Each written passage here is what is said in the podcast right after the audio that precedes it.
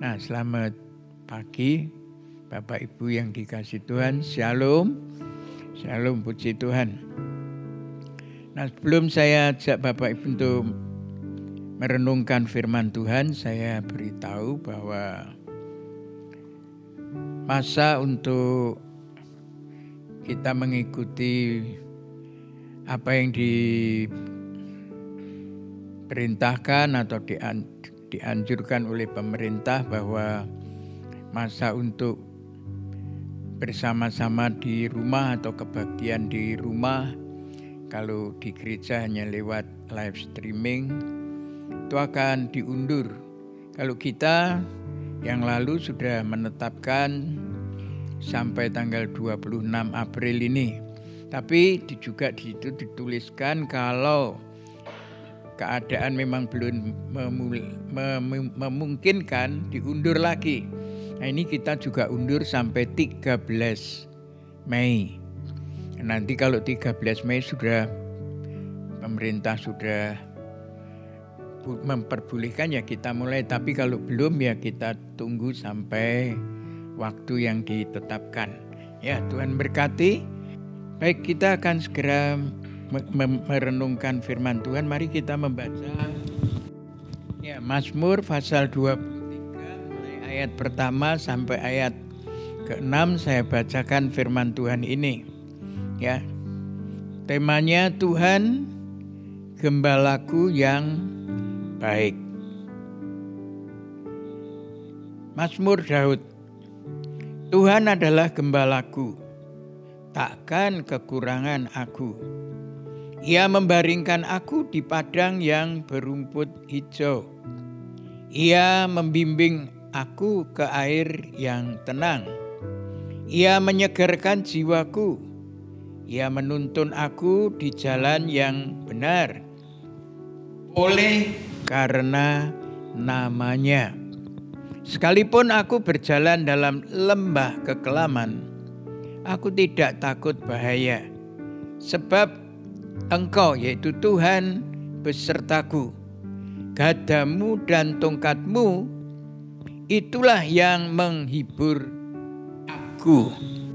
Engkau menyediakan hidangan bagiku di hadapan lawanku. Engkau mengurapi kepalaku dengan minyak. Pialaku penuh melimpah. Kebajikan dan kemurahan belaka akan mengikuti aku seumur hidupku dan aku akan diam dalam rumah Tuhan sepanjang masa.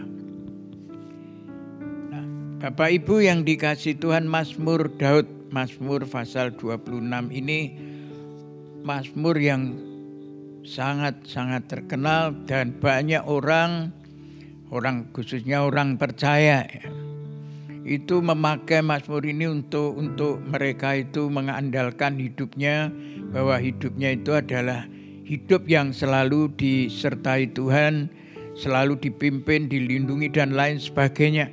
Itu tidak salah. Betul memang Tuhan itu seperti itu dan kalau kita renungkan memang Mazmur ini adalah merupakan gambaran atau boleh katakan kisah perjalanan orang percaya. Ya. Kisah perjalanan orang percaya yang masih hidup di dunia ini. Nah, kisah perjalanan orang yang percaya kepada Tuhan itu perjalanannya kalau kita renungkan dari Mazmur ini dari pasal 1, 2, 3 itu waduh menuntun ke air yang agak rum, padang rumput yang hijau ke, ke air yang tenang, terus jiwanya disegarkan. Itu perjalanan yang boleh dikatakan menyenangkan, enak, baik sekali. Tapi kita baca pas ayat yang keempat dikatakan sekalipun berjalan dalam lembah kekelaman. Lembah kekelaman itu lembah bayang-bayang maut atau lembah yang dikatakan paling-paling bahaya. Sebab apa? Sebab di lembah kekelaman itu kalau orang jalan di sana itu gelap sekali tidak akan bisa tidak akan bisa lihat satu dengan yang lain. Bahkan kanan kiri apa pun kita tidak bisa lihat. Ya, tidak bisa lihat. Eh, bagi saudara-saudara yang sudah pernah mengikuti tur ke Israel, tapi lewat Mesir. Nah itu sebelum masuk ke Israel itu dari Mesir akan berhenti di Gunung Sinai. Nah, di Gunung Sinai itu tengah malam kira-kira jam 12 jam 1 lalu dari situ kemudian mereka itu naik unta naik ke atas Gunung Sinai di atas itu naik unta tidak bisa kelihatan ini jalannya bagaimana atau apa-apa-apa tidak kelihatan. Pokoknya naik unta sudah ngikuti unta itu. Tapi nanti pagi setelah pulang, mereka akan pulang naik unta, mereka lihat kanan kiri itu, waduh ternyata jurang-jurang yang sangat menakutkan sekali. Ya, sangat mengerikan kalau orang mungkin siang suruh jalan itu mungkin takut. Kenapa? Karena jurangnya sangat-sangat terjal dan tinggi sekali. Ya. Tapi saya juga kemudian merenungkan Musa itu pada waktu keluar dari tanah Mesir kemudian diperintahkan Tuhan ke naik, naik ke atas gunung Sinai. Itu tidak naik unta, jalan kaki. Padahal waktu itu Musa sudah umur 80 tahun lebih. Bisa dibayangkan. Tapi kok bisa sampai jalan naik sampai ke puncak. Di situ ketemu Tuhan. Lalu nanti setelah 40 hari 40 malam turun dari atas bisa. Dan itu bukan cuma sekali. Musa naik ke Gunung Sinai itu bukan sekali dua kali. Sebab turun yang eh, naik pertama eh, 40 hari turun itu Musa dibawai dua loh batu yang berisi 10 hukum Tuhan atau Ten Commandment. Nah, tapi karena waktu itu di atas gunung masih Tuhan itu ngomong-ngomong sama Musa. Musa, waduh saya tidak akan apa itu tidak akan membiarkan bangsa Israel itu itu bangsa Israel itu sedang nyembah lembu mas. Nyembah lembu ya itu dianggap Allahnya boleh dikatakan Tuhan Allah itu digambarkan kayak kayak sapi gitu lembu. Wah ya Tuhan murka sekali toh Tuhan maha kuasa kan digambarkan kayak lembu itu walaupun dibuat dari emas bapak ibu saja misalnya saja digambarkan misalnya ya digambarkan kayak nek lembu mungkin wah binatang kayak gajah gitu saya kira ndak mau ya aku manusia lebih derajatnya lebih tinggi dari gajah ini Tuhan kok digambarkan kayak lembu. Wah Tuhan berkata, udah bangsa Israel mau tak habisi. Aku mau membuat keturunanmu nanti jadi bangsa yang besar. Lalu Musa berkata, Tuhan jangan. Sebab kalau nanti Tuhan menghabisi semua orang Israel, Orang Mesir akan berkata Tuhan bisa menuntun keluar tapi tidak bisa tidak bisa sampai sampai sampai ke tanah tujuan tanah Kanaan. Oh Tuhan berarti gagal di dalam menuntun ini. Tuhan jangan jangan kok lebih baik ya kalau kalau Tuhan tidak mau ya namaku saja yang dihapuskan sudah. Akhirnya Tuhan reda marahnya kepada bangsa Israel. Nah, tapi kemudian setelah Musa turun, Melihat bangsa Israel itu sedang menari-nari di hadapan lembu. Ya, lembu bukan lembu yang hidup, lembu yang mati. Wah, musanya marah sekali. Apa yang terjadi? Yang terjadi itu loh batu yang dari Tuhan itu dilemparkan sampai hancur. Ya dia minta-minta sama Tuhan supaya Tuhan jangan marah apa Dewi marah. Ya, itu Musa. Ya, tapi gimana ndak marah ya? Sudah mimpin nuntun baik-baik dengan ya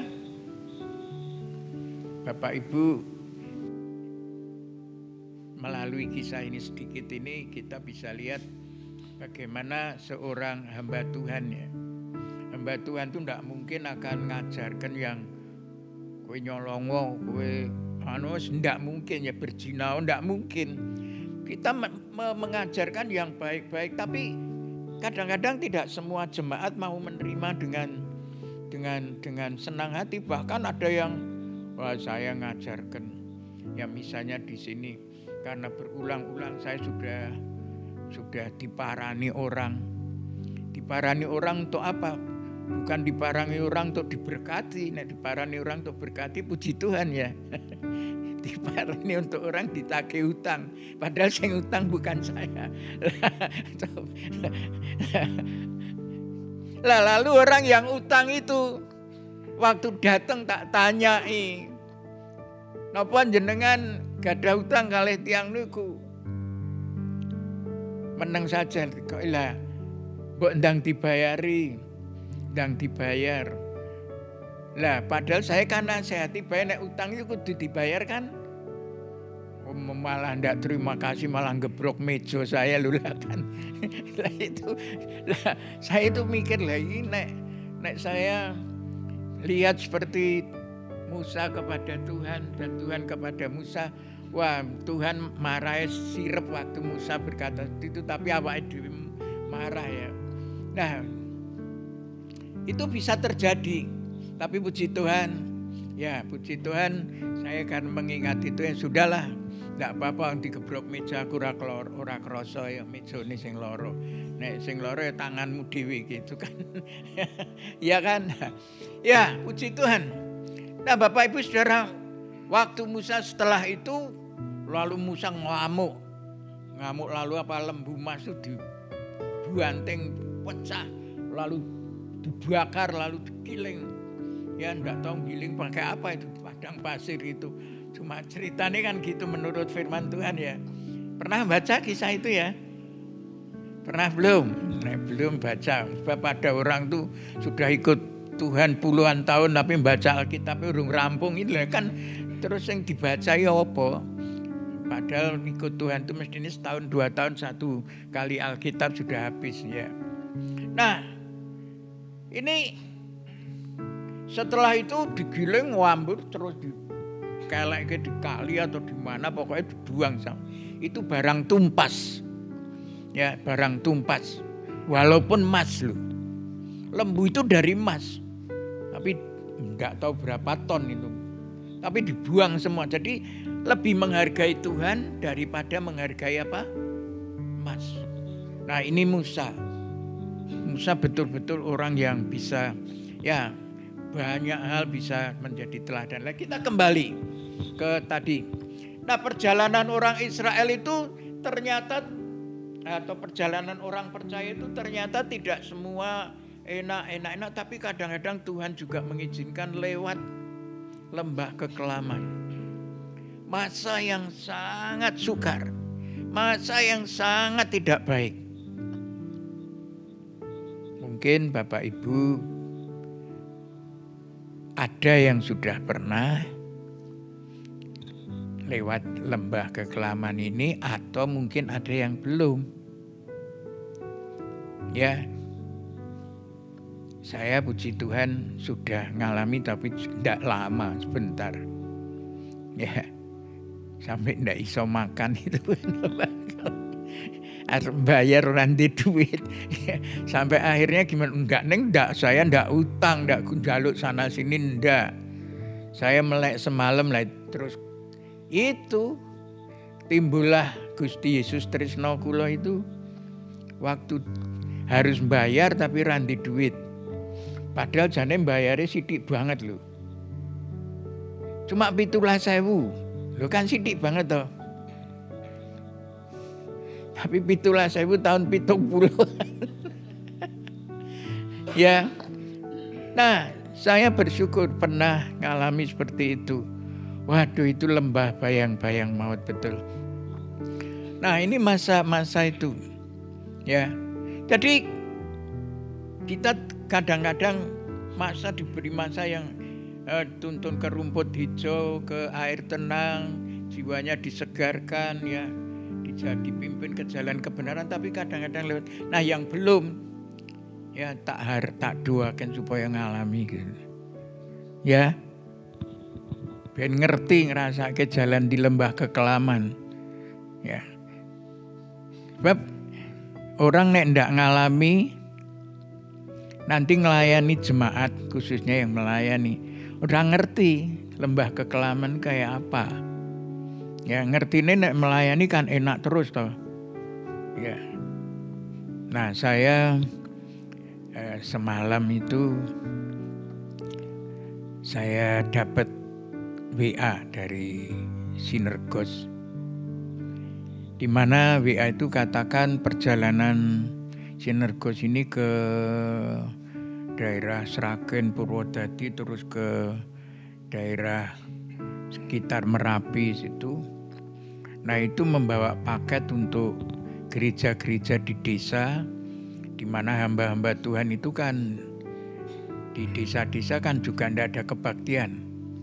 Kalau tidak ada kebaktian kan juga tidak ada persembahan. Nah ini padahal hidup mereka itu dengan iman. Ya, Nah mereka itu waduh kalau datang ke satu gereja kecil di pelosok di, di, di atas bukit. Ya. Begitu datang lalu nemoni pendetanya, pendetanya berkata, wah bu, puji Tuhan, Tuhan itu sangat ngerti bu. Kita sudah sebulan ini tidak ada kebaktian, tidak ada. Wah kita ini terus terang aja ya di desa mungkin mungkin ada apa sayur-sayuran di pinggir-pinggir itu ya ada mungkin apa kenikir mungkin ada apa lagi. Kan banyak ya. Tapi nek ndak ada nasi eh masuk makan kenikir tok. Ya kan bisa ngerasa kita ya. Nah rupanya jemaat itu juga belum belum belum belum apa itu belum mengerti tentang hal ini sehingga tidak tidak kalau jemaat itu misalnya punya punya ladang atau punya sawah ngirim ke apa apa enggak. Nah sehingga nah, hamba Tuhan ini nek sing hamba Tuhan yang benar ya datang ke jemaatnya minta aku jual beras. Oh enggak mungkin. Ya mintanya cuma kepada satu saja kepada siapa? Nah, kepada Tuhan. Kalau kita butuh tuh mintanya kepada Tuhan bukan minta kepada jemaat. Ya, jemaat justru kalau butuh minta sama kita bisa, tapi nek kita minta sama jemaat itu kuali ya. Bapak ngekek kudune ngeki sama anaknya bukan anak eh, bukan bapak jaluk anaknya kan ya. Gitu kan betul enggak? Gitu. Nah. Nah, ini waduh yang diberi itu waduh mereka mengatakan seperti itu. Eh begitu mereka pulang satu, lewat satu jalur yang lain yang mereka tidak tahu. Eh lihat paketnya itu masih ada satu. Masih ada satu paket yang ada di Bekasi. Lalu ini pimpinan Sinergos ini mikir, lu KPW DKI kok turah siji.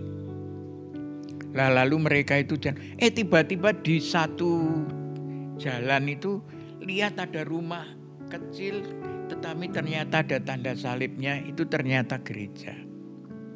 Ya jadi gereja itu bukan cuma di kota tapi pelosok-pelosok.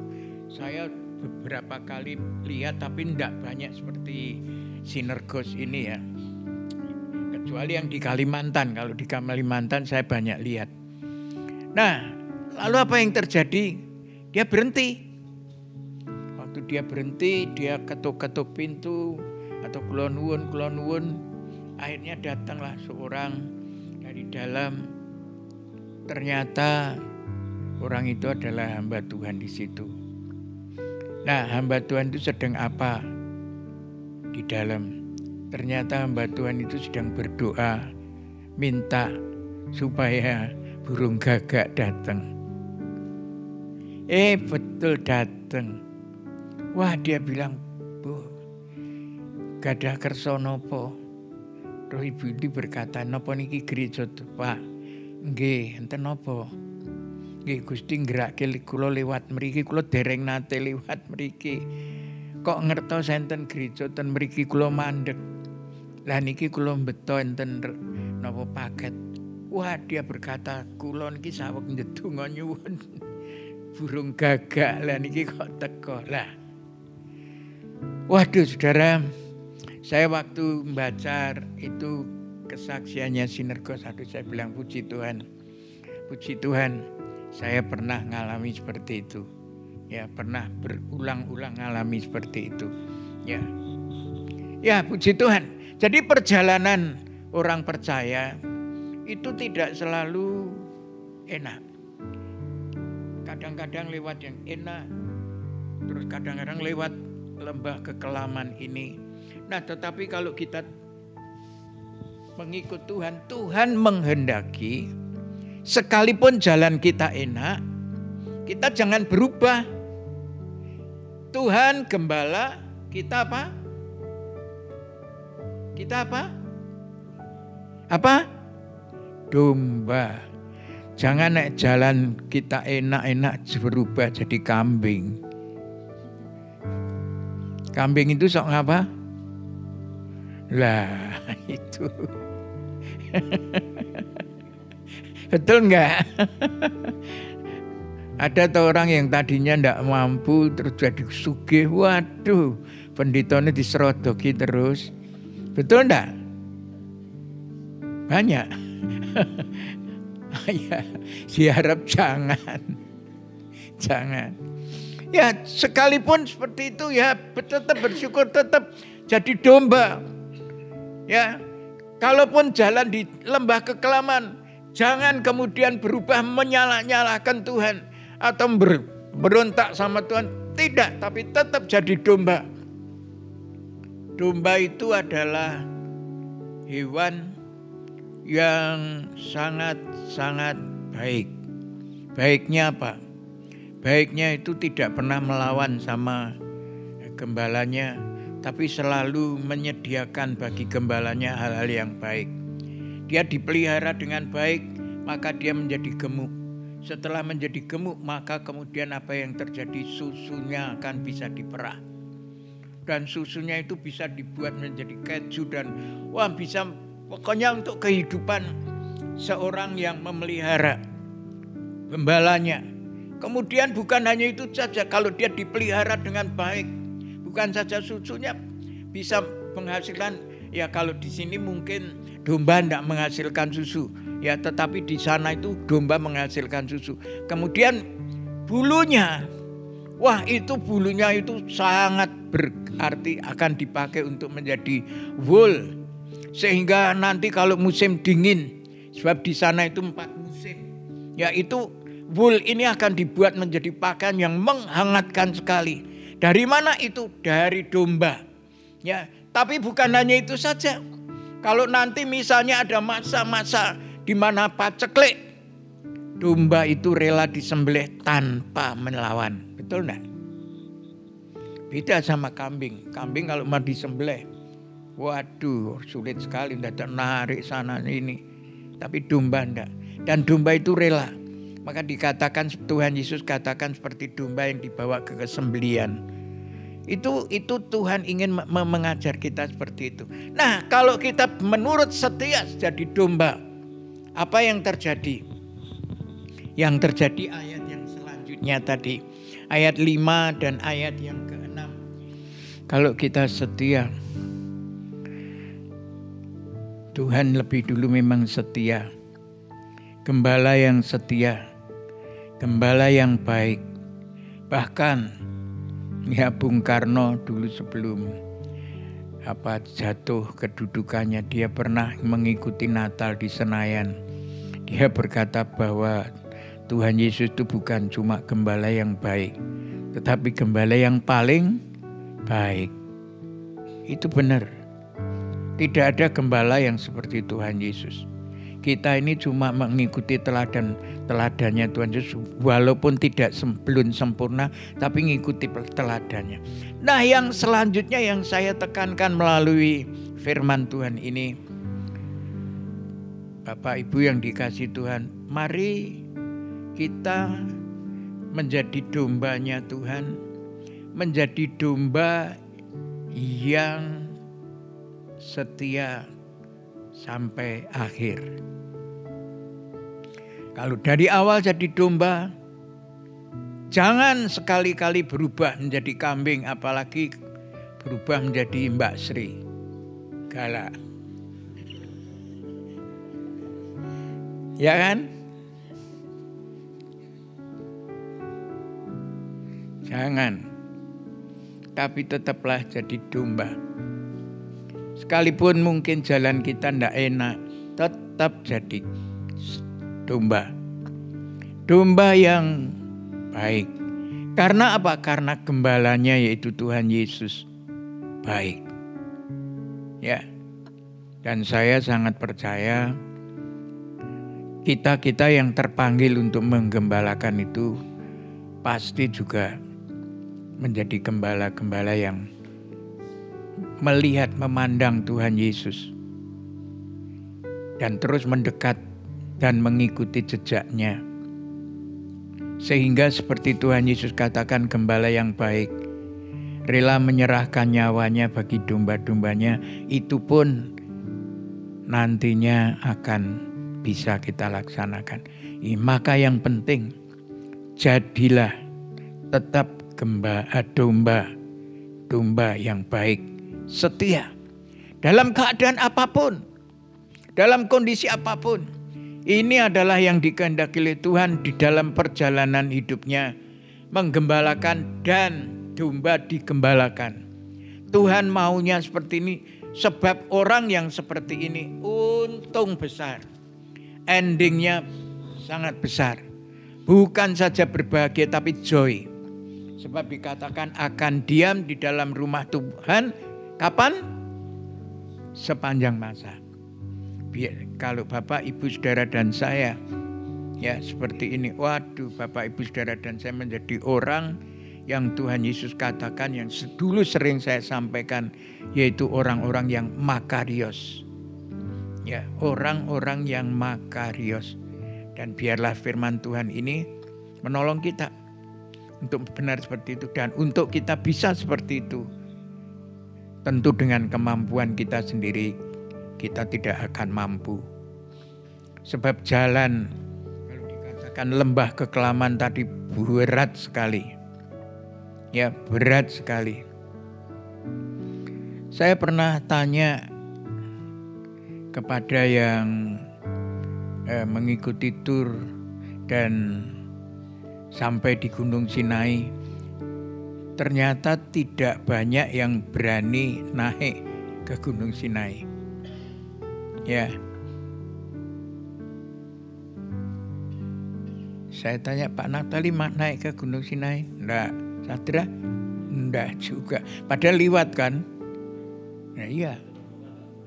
Nah, banyak yang enggak, ber, enggak berani karena sudah tahu risikonya dan bukan tahu risikonya saja katanya yang sudah naik itu di atas Gunung Sinai itu dinginnya luar biasa. Sampai pakai selimut double-double jaket double-double saya kadem itu betul. Saya pikir Musa kayak orang nganggu jaket ya. Kok kuat ya? Hebat sekali berarti ya. Nah, Bapak Ibu itu lembah kekelaman betul. Ya. Tapi puji Tuhan karena apa bisa? Yaitu tadi karena Tuhan menyertai. Walaupun lewat lembah kekelaman Tuhan menyertai. Nah, kalau Tuhan menyertai tentu tidak kelihatan. Kalau seperti Musa memang itu bisa berhadapan muka dengan muka. Itu hanya dengan Musa saja. Dengan nabi-nabi yang lain tidak ada. Kenapa? Tuhan tidak kelihatan, tapi melalui rohnya yang kudus. Dan sekarang rohnya yang kudus itu ada di dalam Bapak, Ibu, Saudara, dan saya. Amin. Tuhan memberkati.